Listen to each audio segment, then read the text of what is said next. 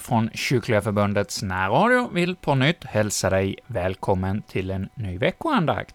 Och sommaren går ju fort. Vi har ju här under sommaren lyssnat till en programserie i fem program om eh, att få sina synder förlåtna. Och ikväll är det dags för det femte och sista programmet i den här serien. Det är Carl-Gunnar Olsson som talar till oss, och han gör det utifrån olika bibelberättelser i Bibeln som berättar om just människor som har fått sina synder förlåtna. I första programmet hörde vi om kung Manasse, och i andra kapitlet var det en berättelse från Nya Testamentet, synderskan i Simeons hus, och i tredje programmet så var det återigen en berättelse från Gamla Testamentet och en av kungarna, kung David. Och så i förra programmet hörde vi om aposteln Petrus. Och vi avslutar nu den här serien med en av de eh, kända berättelserna just när Jesus hänger där på korset på Golgata och har en av rövarna med sig, där han säger till honom att eh, ”idag ska du vara med mig i paradiset”. Och det får vi höra om i denna berättelse som Karl-Gunnar talar till oss om ikväll. I Guds, Faderns och Sonens och den helige Andes namn. Amen. Det finns ett ord för mig så kärt, så fast och så anammansvärt till själens liv och hälsa, att Jesus världens synder bar, att han i världen kommit har, de fallna till att frälsa. O nådens evangelium, att han som rövaren ett rum i paradis förunnar, sig över mig var kunnar. O Jesu, Davids son till dig, min blick, mitt hjärta vänder sig och mina händer sträckas. Gör ången sann, fast den är sen, och två mig från de synder ren, av dem min själ befläckas. Ett villat får som funnet är, ack till den frälsta jorden bär, på hulda hedarmar, o du som dig förbarmar. Herre, gör oss nu stilla inför ditt ord, så stilla så att vi kan ta det till hjärtat. Amen. Kom, låt oss gå till rätta med varandra, säger Herren. Om edra synder än är blodröda, så kan de bli snövita. Och om de än är röda som scharlakan, så kan de bli som vit ull. Ja, det språket, det har vi tagit som utgångspunkt ifrån Jesaja 1, 18. Vi har sett klara och tydliga exempel på hur de mest blodröda synder kan bli snövita. Exemplet kung Manasse, denne man som i utövande av de grövsta och mest nattsvarta synder söker sin like. För det står ju att han förförde hela sitt folk. Men tänk, han blev frälst och härligt frälst. Förr hände det att man talade om en stor syndares omvändelse och kallade det för ett nådens mästerstycke eller mästerverk. Vi kan säga så här att Manasses omvändelse, det var verkligen ett nådens mästerverk. Och vi kan säga så här att kunna han bli frälst, då kan det ju aldrig vara en omöjlighet att den och den i synd och skam djupt sjunkna människan skulle kunna bli räddad. Och vi kan också säga, kunde kung David komma till rätta igen, han som hade fallit i så grova synder, då måste det finnas möjlighet också för den och den syndaren. Och kunde synderskan få nåd. Och kunde Petrus få komma tillbaka, ja då kan det finnas hjälp. Tänk att sådana blodröda synder som de här människorna hade utövat kunde bli förlåtna och utstrukna. Och därför bör vi som kristna inte vända oss bort från en människa och klassa henne som ett hopplöst fall. Vi bör inte upphöra och knäppa våra händer till bön för en människa, även om det i våra ögon tycks fullkomligt omöjligt att hon någonsin skulle kunna komma till frälsning.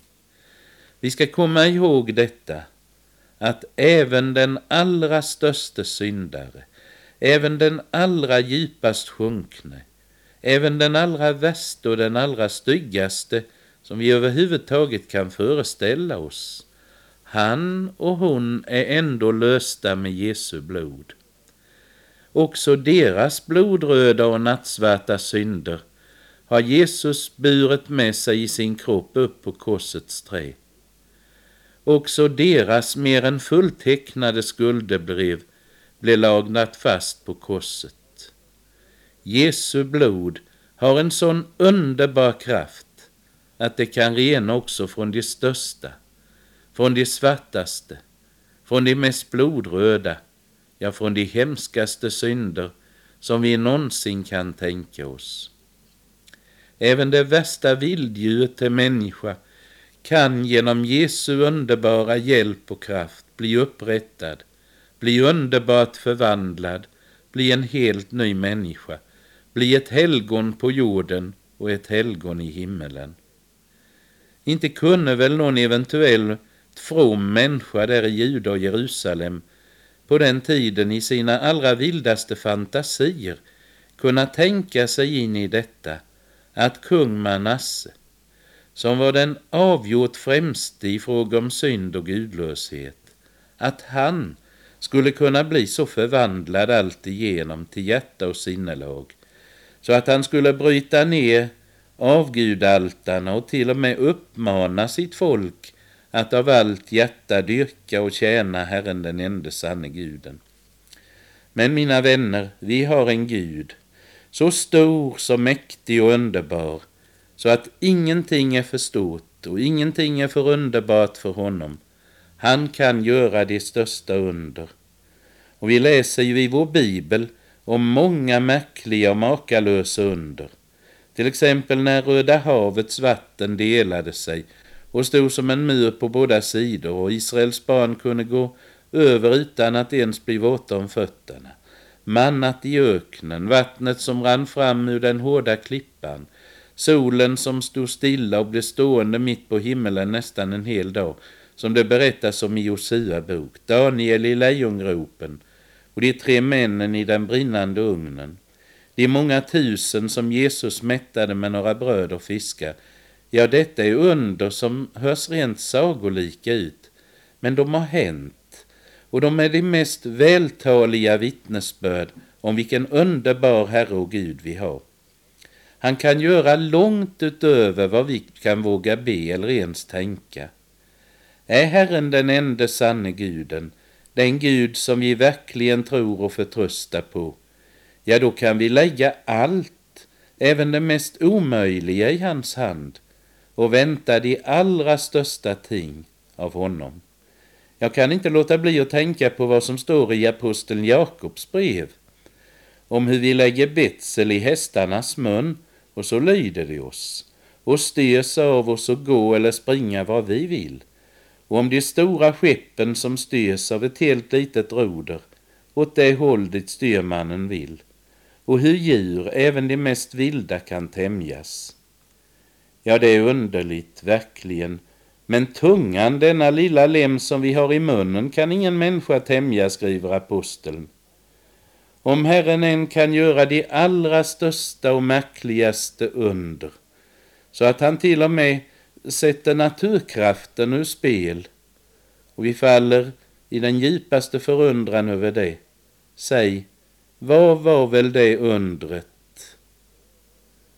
som Manasses frälsning utgjorde? Skulle det vara mindre? Nej, syndares frälsning är det största under som vi kan tänka oss. Om sådana under får vi be. Sådana under har skett och sådana under sker än. Är vi sanna Guds barn så kan vi sjunga Vår store Gud gör stora under. Det största har han gjort med mig. Den stund han kastade mina synder i nådehavet bakom sig. Och när det gäller sådana under, då ska vi ta ett exempel nu. I Lukas 23 kapitel 42 vers, där läser vi de här orden. Jesus, tänk på mig när du kommer i ditt rike. Och vi frågar, vem är det som ber så? Ja, det är ingen from och gudfruktig människa, utan det är en rövare. Det är en man som på det allra grövsta sätt har brutit mot Guds bud. En man så ond och så fördärvad att han förverkat rätten till att få leva vidare här på jorden. Och han har förts ut till Golgata avrättningsplats. Han har fästs på korset och där hänger han utstött, förbannad. För det står ju så att den är förbannad som blir upphängd på trä. Ingen enda har ett ord av tröst att ge honom. Det är några timmar till och kanske knappt det. Och hans kropp ska kastas i en grav. Kanske ingen enda sen ska veta ens var han är lagd. Men det går väl an med det. Vad värre är, var ska hans själ, hans ande, ta vägen? När kroppen hänger där livlös, så har hans ande gått in i evighetens värld. I en av Bibelns böcker, Amos bok, står det Där förde vi Israel, bered dig att möta din Gud. Ja, där i den andra världen ska han möta Gud. Vad ska han då göra med alla sina synder? Så alldeles nedsvärtad han är av synd och skam. Hur ska han kunna klara sig inför Guds dom? Samvetet ropar med all kraft att han måste bli fördömd. Nu står det ingenstans i Bibeln hur gammal han var, den här rövaren. Men han var förmodligen i sina bästa år. Men vilket elände han hade störtat sig i.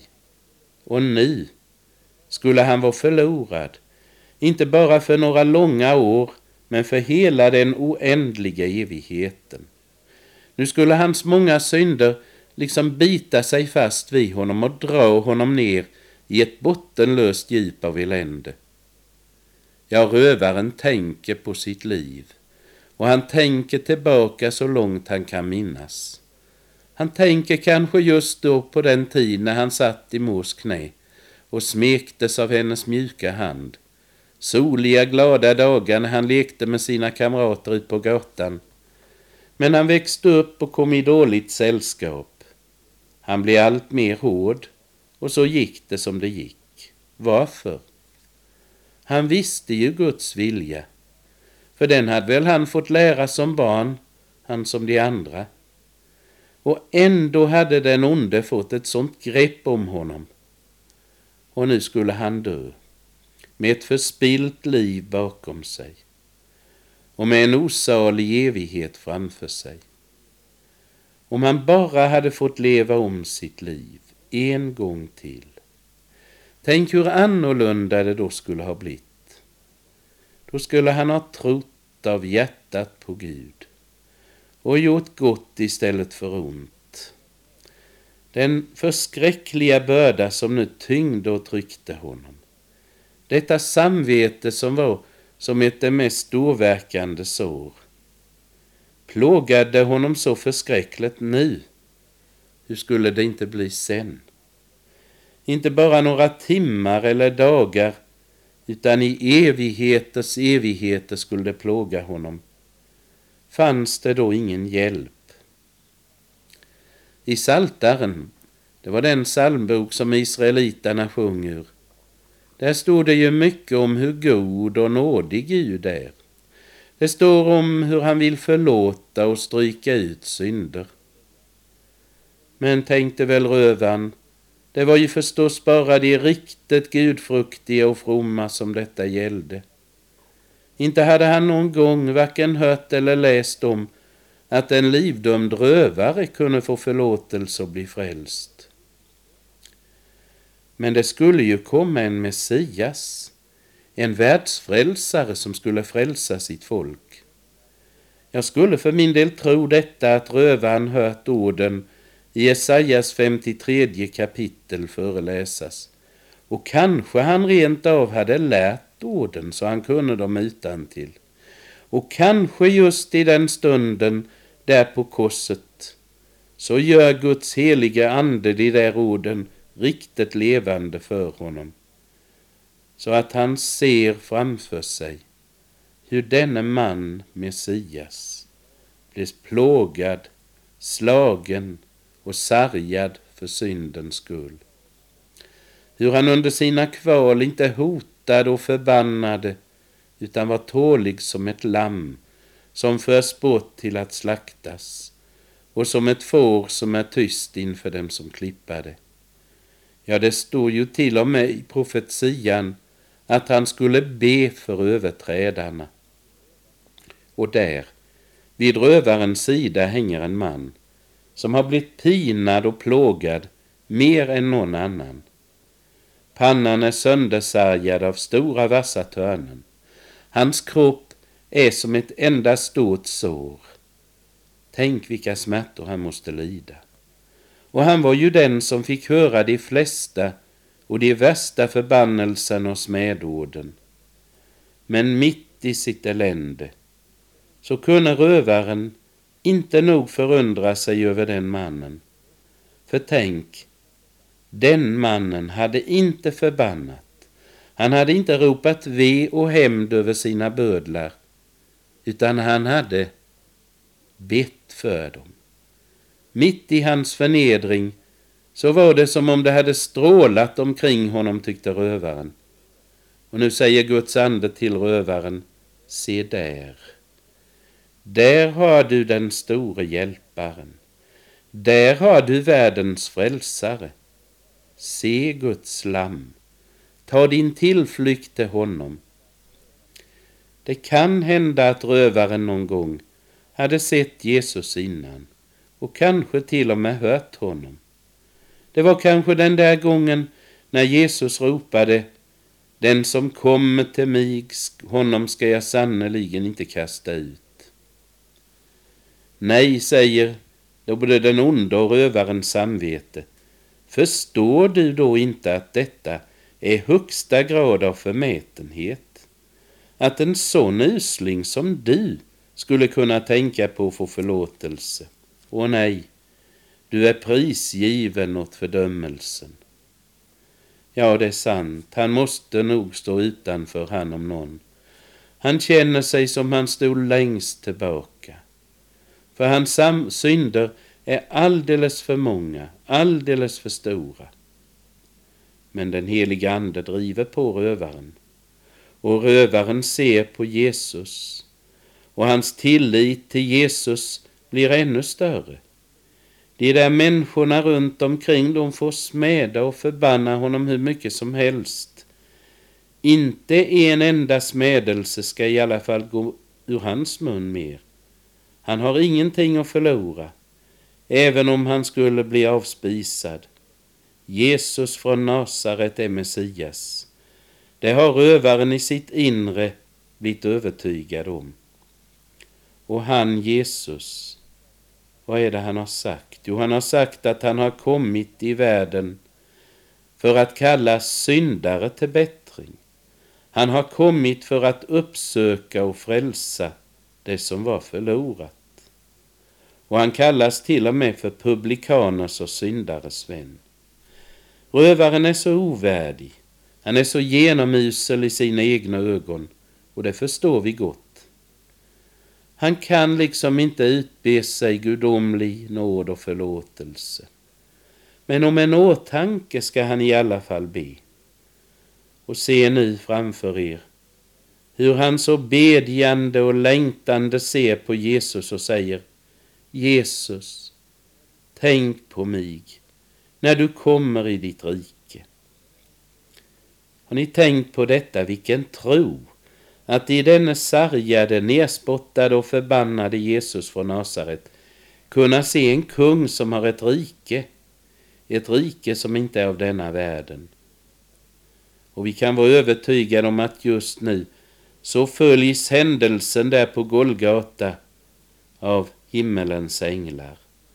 Ska de få bevittna till och med där ute på Galjabacken, på förbannelsens trä, ska en förlorad son bli sluten i fadersfamnen och komma hem till fadershuset. Ska de till och med på frälsarens dödsdag få jubla över en syndares frälsning. Vi frågar oss, hur ska den korsfäste Jesus nu reagera? Vad ska han svara på rövarens bön om en åtanke? Ska han avvisa honom med orden om att han har nog av sina gruvliga plågor, att han inte orkar tänka på en usel rövarsjäl, eller att han har långt större och viktigare saker att tänka på? Nej, han vänder sitt ansikte mot rövaren och han ser så milt, så vänligt på honom. Ja, hans ansikte utstrålar en kärlek som inte är av denna världen. Och lyssna, han säger Sannerligen säger jag dig, idag ska du vara med mig i paradiset. Ja, så lyder hans svar. Och i det svaret ligger också en hel och full förlåtelse för alla rövarens alla synder. För den som ska komma in i Guds paradis, han måste ju vara ren. Men nu är det så underbart, mina vänner, att Jesu blod renar från all synd. I det blod som rövaren ser droppa ner från korset, i det blodet låg hans frälsning, Jesu blod. Bördan lyftes av honom. All hans synd är förlåten. Änglarna där uppe sjunger och jublar över hans omvändelse. Ja, det är riktigt så att himmelen öppnar sig över honom. Om en liten, liten stund ska han vara frälst.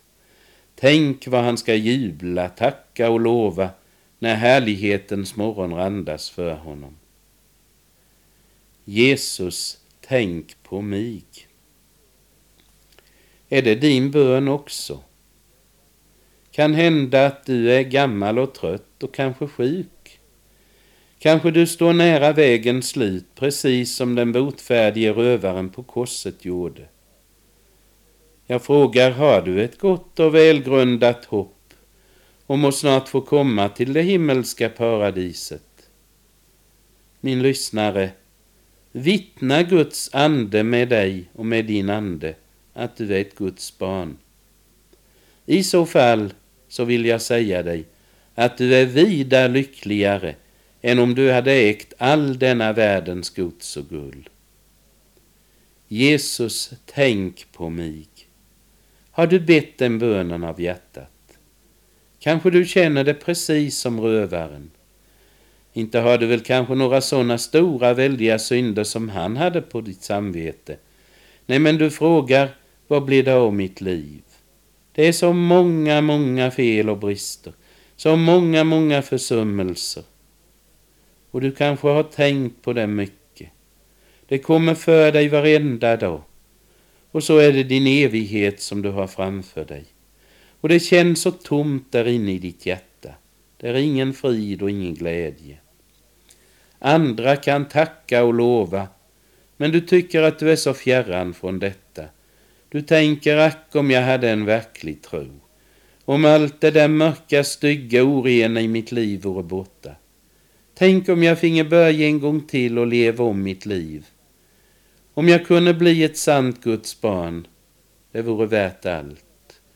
Om jag kunnat göra som rövaren gjorde, vända mig direkt till Jesus, se honom framför mig och tala om för honom hur jag har det. Min käre vän, tänk att Jesus är här. Tänk att Jesus är här. Allt är möjligt, ty Jesus är här. Skynda fram, böj dig ner. Han sin frälsning dig ger. Tänk så härligt att Jesus är här. Har du fläckat din skrud, har du brutit Guds bud, synd och ofrid i hjärtat du bär, här din frälsare står, du förlåtelse får, skynda fram nu då Jesus är här. Om din hälsa är svag och du lider idag utav krämpor av olika slag. Jesus läkedom har, våra smärtor han bar. Skynda fram och hans kraft tag emot. Tänk så liten, så ringa, så skröplig, så syndfull du är, så får du blanda dina ord med den botfärdige rövarens. Herre, tänk på mig. Förbarma dig över mig syndare, hjälp mig, fräls mig. Rövaren bad om en åtanke och fick paradiset. Vår Herre och Frälsare, han både kan och vill ge dig mer, ja, långt mer än allt vad du kan be eller tänka. Överlämna dig åt honom, och du är i de bästa händer som finns. Och hur det sen än blir, hur sjuk du kan bli, hur svag du kan bli, hur omtucknad och maktlös du än kan bli. Ingen och inget ska kunna rycka dig bort från honom. Och när den tiden kommer när du kanske inte ens kan knäppa dina händer och samla dina tankar till bön, så ber han för dig. Och du må veta att i hans förbön ligger det en underbar kraft. Och när du kanske blir så omtucknad, kanske så åderförkalkad och vilsen att du inte kan tänka en redig tanke mer, så tänker han desto mer på dig. Och han har inga ofärdens tankar, utan bara fridens och kärlekens tankar med dig. Och när du sjunker ner i medvetslöshetens tucken och dimma, stiger ner i dödsskuggans dal, så är han där hos dig. Han fattar din hand och leder dig in i det eviga livets land. Mina vänner, så ville vi väl alla ha det. Och varför skulle vi gå miste om detta när vi har en sån underbar och stor frälsare? Låt oss då överlämna oss med allt vad vi är och har åt honom, så att han helt får ta hand om det som vi har.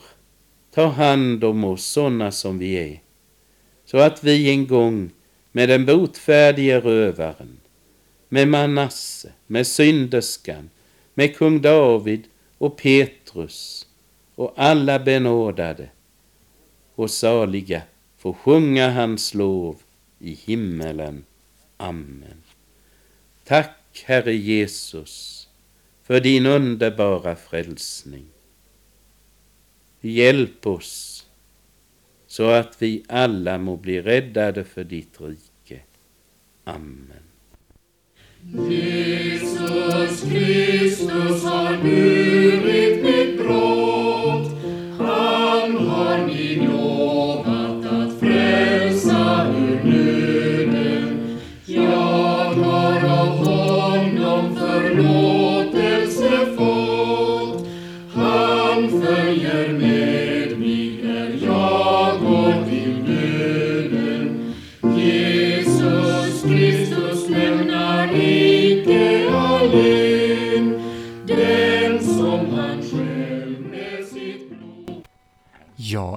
Ikväll i Kyrkliga Förbundets veckoandakt har vi fått höra det femte och sista programmet i denna serie där Carl-Gunnar Olsson har talat till oss om att få sina synder förlåtna. Och idag var det ju om rövaren på korset det handlade.